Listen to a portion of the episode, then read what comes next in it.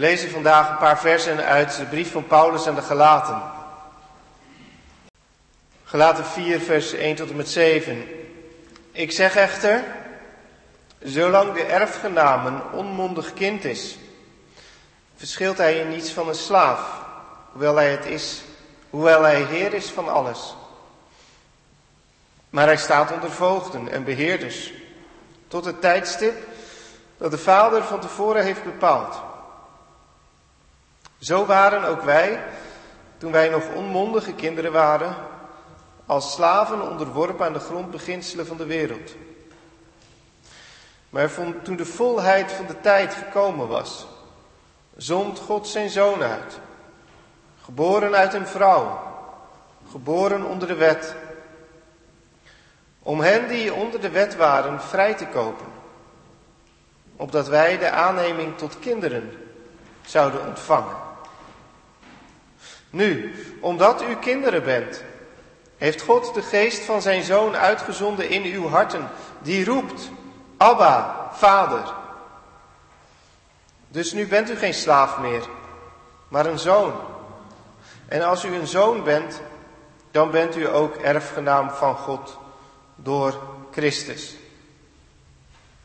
Dat is de schriftlezing van deze morgen op de tweede Pinksterdag. Zalig zijn we als we het woord van God horen en in ons hart bewaren. Amen. De tekst voor de verkondiging, en daar gaat ook nu meteen naar door, er wordt niet gezongen daartussen.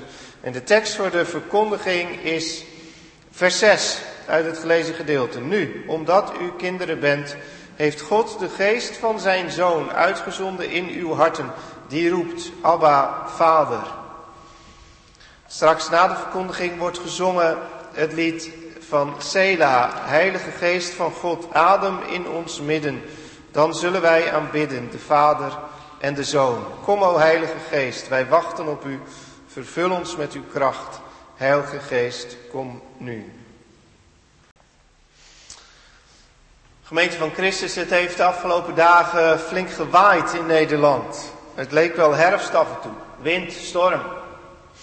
Raar voor deze tijd van het jaar. Af en toe harde regen, zelfs onweer. Maar eigenlijk toch wel goed passend ook bij Pinksteren. Want Pinksteren, dat is de belofte van kracht. We zingen wel in zo'n lied eh, dat je kent, geef ook een paar droppelen, droppelen ook aan mij. Maar de geest is eigenlijk niet iets van een paar droppelen. De geest is iets van storm, van kracht. De geest, dat is de belofte dat het steeds weer zal gaan waaien in de kerk. Dat er steeds weer beweging in zal komen. Dat het nooit meer helemaal een dode boel wordt. Daar lijkt het wel eens op. Dat dreigt wel eens, maar we vieren Pinkster om te zeggen, dat geloven we toch niet. We geloven niet dat het ooit helemaal een dode boel zal worden in de kerk. Daar zal God zelf een stokje voor steken, zo waar als Hij geest is, Heilige Geest. Daarom zal het toch altijd blijven waaien, blijven bewegen, blijven leven. Het dode hout zal hij altijd opnieuw eruit waaien, zodat er nieuw hout kan groeien. Dat is Pinksteren. De geest valt als een wind in een huis en komt als een vuur op de hoofden. Ja, zo gebeurt het niet meer. Ik zie geen vlammen op hoofden. Ik heb ze gisteren ook niet gezien. Maar ach, wat zouden we daar ook mee moeten eigenlijk? Met vlammen op hoofden. Ik weet nog iets beters, horen we van Paulus vandaag. Niet een vlam op ons, maar een vlam in ons. In ons hart. De geest in ons hart. Maar nu schrijft hij, omdat u kinderen bent, heeft God de geest van zijn zoon uitgezonden in uw harten. Kijk, de geest als vlam op je hoofd, dat kan wel iets aantrekkelijks hebben natuurlijk. Dat is lekker zichtbaar van buiten. De mensen zou, buiten zouden verbaasd staan en zich nog eens verwonderen over christenen. Wie verlangt er niet eens naar dat de hele wereld het aan ons kan zien, dat er wat bijzonders met ons aan de hand is? Dat zou toch wel aantrekkelijk zijn? Dan hoef je ook niet meer zelf te getuigen. Dan kan iedereen tenminste gewoon direct aan je zien. Dat zijn de kinderen van God. Terwijl het nu vaak zo lastig is. Want wat valt er nou eigenlijk aan ons te zien? Een christen onderscheidt zich meestal nauwelijks van een fatsoenlijk mens. En dan mogen we wel blij zijn als we ons niet onderscheiden van een fatsoenlijk mens. Soms onderscheiden we ons nauwelijks van een onfatsoenlijk mens. Was het maar een keer aan ons echt te zien. Nou ja, dat is dus één keer gebeurd. Dat vertelt Lucas. Maar daarna ook nooit meer. De regel is niet dat de geest zichtbaar komt, maar dat de geest in de harten komt. Paulus zegt al dat dat het is. En nu lijkt dat misschien minder, maar dat is een vergissing. Het is meer. Want wat heb je nou eigenlijk aan iets op je hoofd? Stel dat je de liefde op je hoofd zou dragen. Dat je hem aan de kapstok kon hangen, zoals je jas. Dat is toch niks? Maar stel dat je de liefde in je hart draagt. Dan gebeurt er wat. Want je hart, dat is in de Bijbelse taal de kern van je bestaan.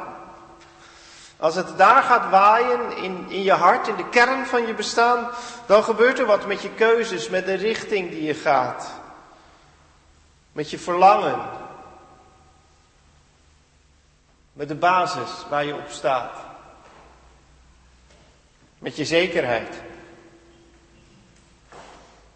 De geest van de Zoon van Christus, die is uitgezonden in jullie harten, in het centrum van jullie bestaan. Dat schrijft Paulus, dat is Pinksteren. Het mooiste feest dat er is, want God blijft nu niet meer buiten ons, maar nu komt Hij echt in ons. Wat komt Hij dan doen in ons? Troosten. Er is een uitspraak van de theoloog Noordmans, die voor mij het beste samenvat eigenlijk wat Pinkster in het geheel van Gods werken is. Noordmans zegt, als spreken niet genoeg is, dan komt hij. En als komen niet genoeg is, dan troost hij. Spreken, dat is God de Vader. Hij sprak en het was er. Dat is de schepping. Hij sprak door, de, door Mozes, door de profeten. Dat is de geschiedenis van het oude verbond van Israël. Maar al dat spreken van God was niet genoeg. Het bleef allemaal op de hoofden van de mensen zitten. Het veranderde hun hart niet werkelijk. En omdat spreken niet genoeg was, kwam hij. Dat is Christus, het kind van Bethlehem, God bij ons gekomen. Hij zelf in ons midden. En toch was zelfs dat niet genoeg. Want ook zo was God nog buiten ons. Ook als dat kind in de kribbe, ook als die man aan het kruis, is God nog buiten ons. Op ons hoofd, niet in ons hart. En omdat zelfs dat komen nog niet genoeg was, kwam God troosten. Dat is de geest die in je woont. Die in je komt en met jouw geest gaat samenwonen. En zo gaat samenwonen dat ze samen roepen, Abba Vader, je bent een kind van God. Dat is troost. Troost is veel meer dan een schouder om op te huilen. Daar denk je wel het eerst aan. Dat is het voor ons vooral. Jongens en meisjes hier in de kerk weten dat. Troost heb je nodig als je pijn hebt. Als je moet huilen, dan ga je naar je moeder of naar je vader of naar iemand anders en dan word je getroost. In de Bijbel is troost meer. Gelukkig maar.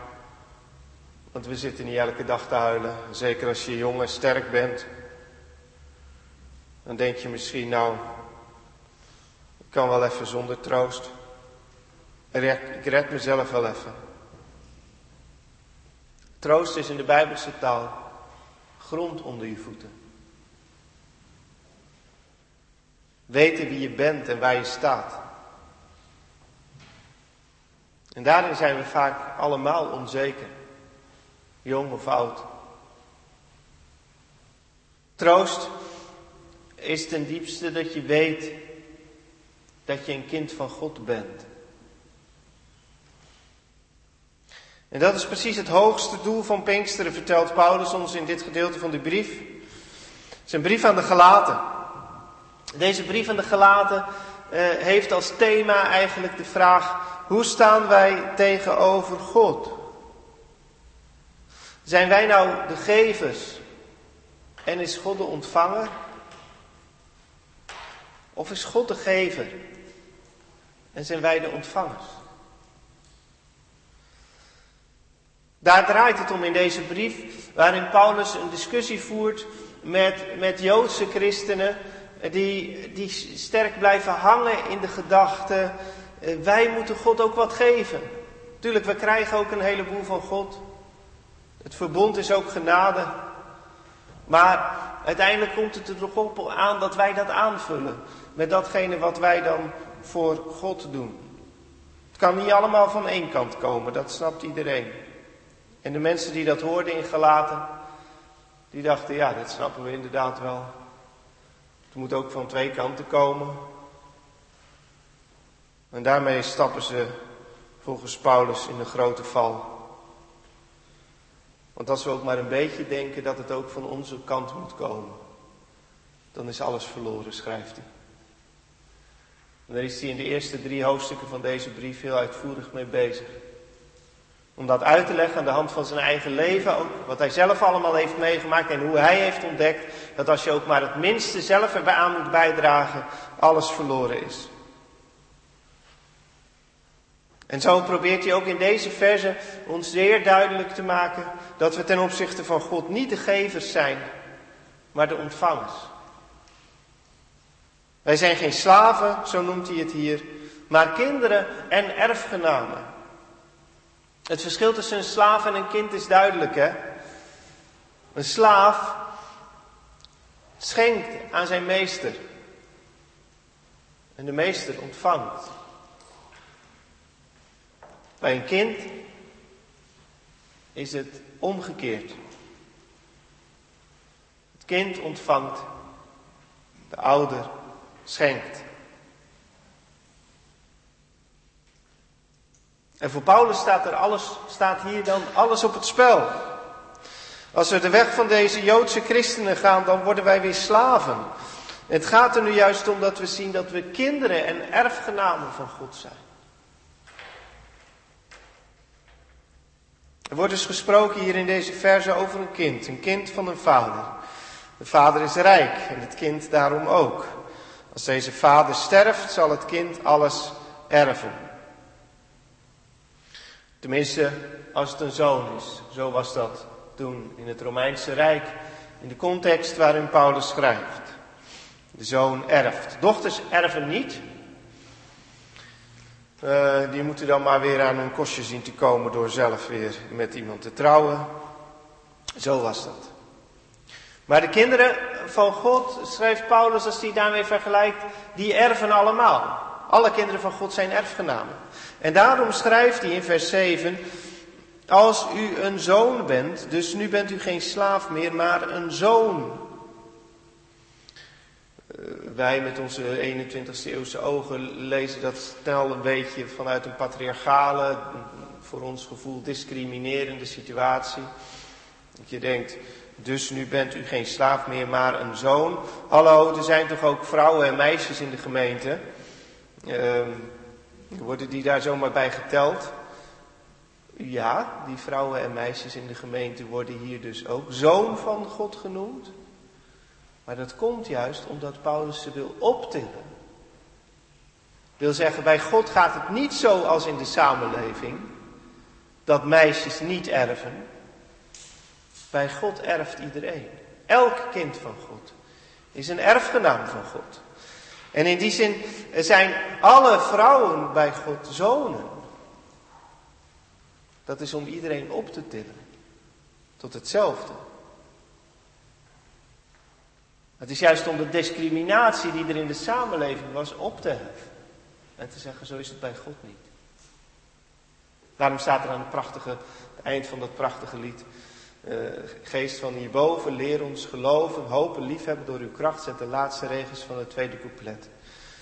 Dat wij in u weten dat wij allen Gods zonen zijn. Halleluja. Sommige mensen die zeggen dus dat het tegenwoordig kinderen zijn, maar dan heb je juist niet begrepen wat Paulus schrijft. Het gaat dus over een kind, een kind van een vader. En dat kind, die zoon, zal, als, zal alles erven. Maar, was het ook in, in het Romeinse Rijk zo, als die wettige erfgenaam nog minder waar, minderjarig is, als de vader sterft, dan zal er eerst een voogd komen, die tot aan de dag van zijn volwassenheid eh, hem begeleidt.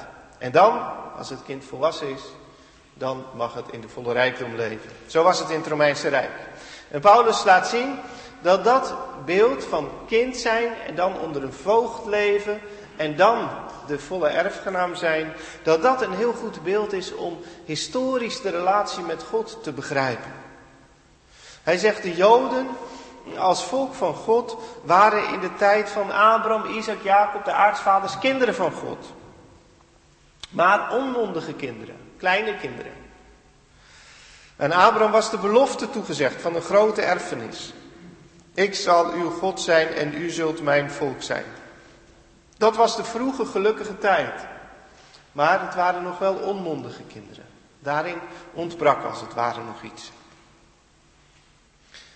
En daarna komen ze dan onder de wet van Mozes. Die wet, die uh, vergelijkt hij dan met de periode van de voogd. De wet was als een voogd over hen geheerst, omdat ze nog onmondig waren. Ze waren en bleven wel kinderen van God, maar ze werden nog achtervolgd door het gebod, je moet zus, je moet zo. Eigenlijk ten diepste, zegt Paulus, nog een slavenleven.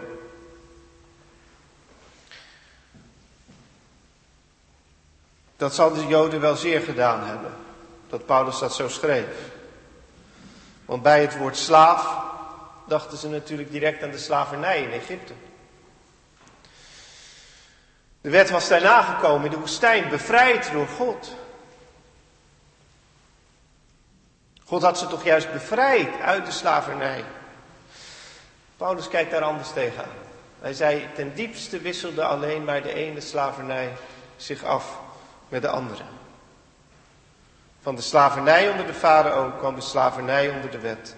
Vrij tegenover God en de mensen werden we nog niet.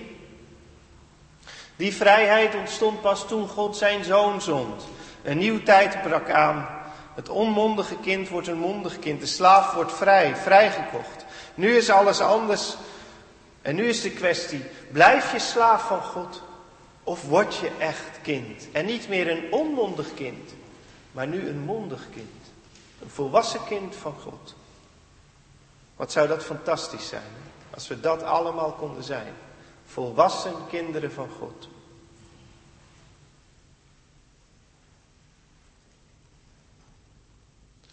Ken je die zuigkracht bij jezelf? Richting slavernij. Richting toch weer gehoorzamen.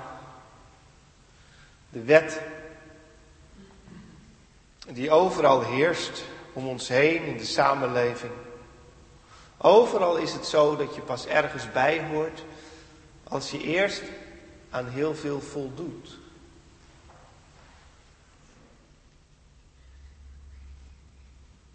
In verschillende kringen in de samenleving moet je dan aan verschillende codes voldoen. Maar altijd moet je eerst aan van alles voldoen om dan mee te tellen, erbij te horen.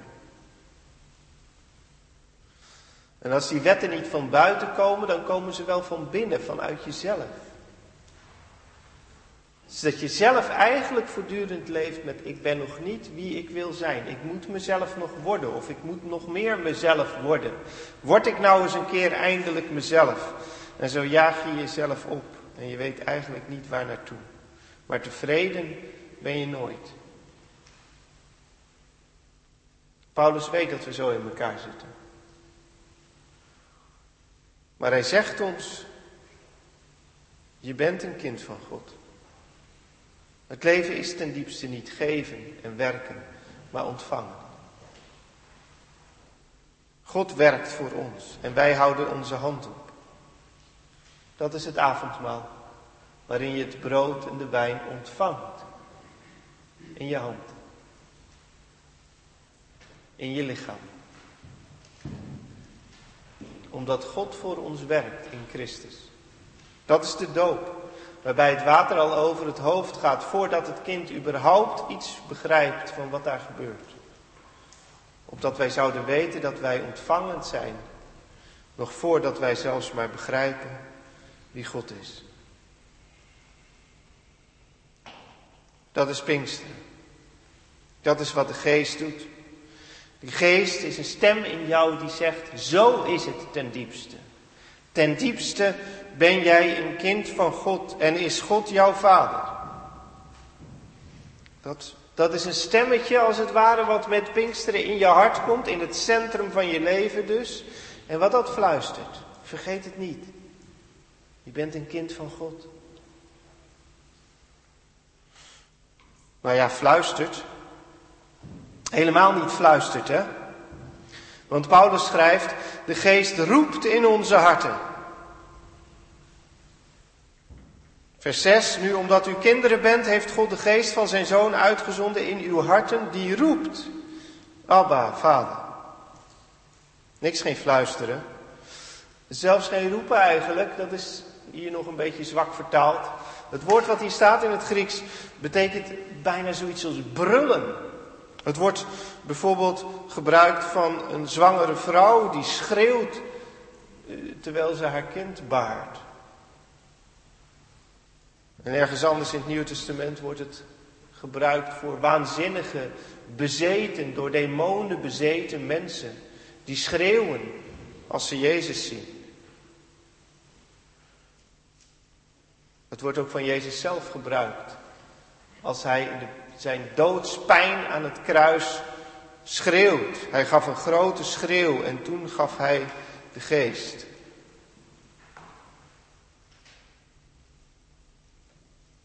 Waarom schreeuwt die geest zo hard? Waarom is fluisteren niet genoeg? Nou ja, ik denk niet zo moeilijk toch? Te bedenken. Het komt natuurlijk omdat er ook andere stemmen zijn.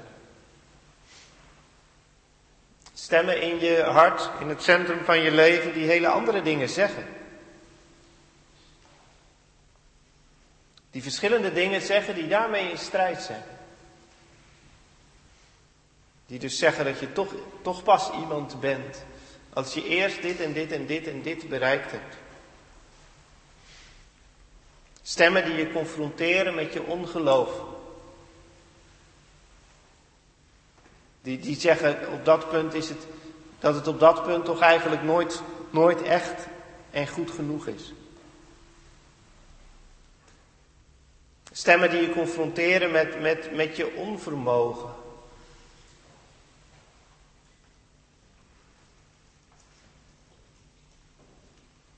Die zeggen, eh, er is wel verlangen in je om te getuigen en getuigen te leven, maar het loopt toch ook steeds weer stuk.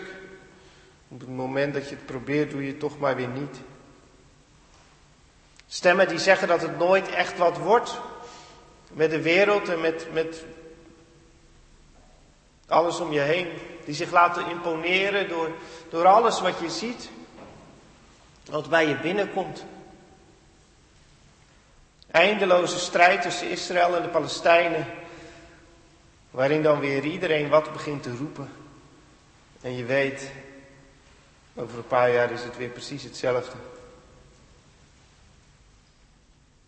Strijd van jezelf tegen ziekte, tegen, de, tegen dat wat in je leven op je afkomt en wat je niet kunt begrijpen, wat je niet kunt plaatsen, wat je eigenlijk niet kunt verwerken.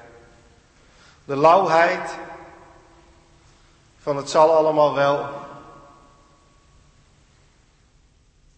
Allemaal stemmen. Stemmen die, die vaak sterk zijn.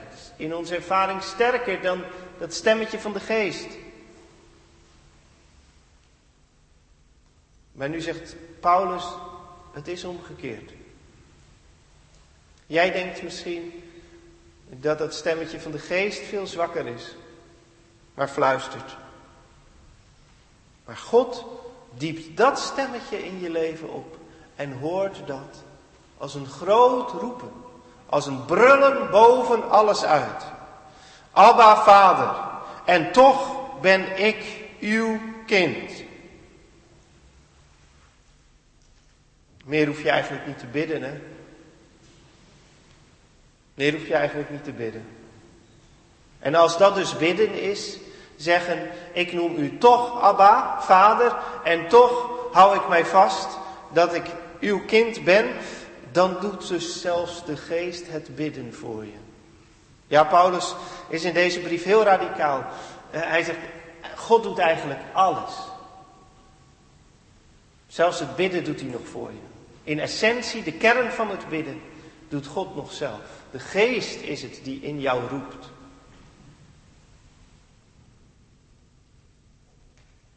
Ergens anders in de Romeinenbrief schrijft hij het ietsje anders. Dan zegt hij, ja, de geest die woont in je en die doet jou roepen, Abba Vader. Daar zijn we dus wel zelf, hij weet het zelf blijkbaar ook niet. En dat klopt dan weer met een ander zinnetje wat hij schrijft. Hij zegt, de geest getuigt met onze geest dat wij kinderen van God zijn.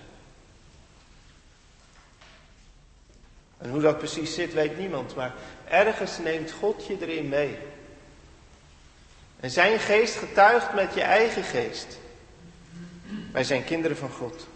Deze schreeuw, schrijft Luther, deze schreeuw van de geest overstemt alles en dringt heen door het zo luide en verschrikkelijke geschreeuw van de wet, de zonde, de dood, de duivel enzovoorts. Dringt door de wolken en de hemel heen en bereikt het oor van God. Zo zijn wij zonen van God, allemaal. En daarom ook erfgenamen. Erfgenamen, dat betekent er staat dus nog iets uit. Wij zijn, wij zijn al wel volwassen kinderen, mondige kinderen. Kinderen die dus zelf ook in die zin daarin wel mee kunnen komen of niet meekomen in dat roepen van de geest. Die daar zelf ook een stem in hebben in wat ze het zwaarst laten wegen.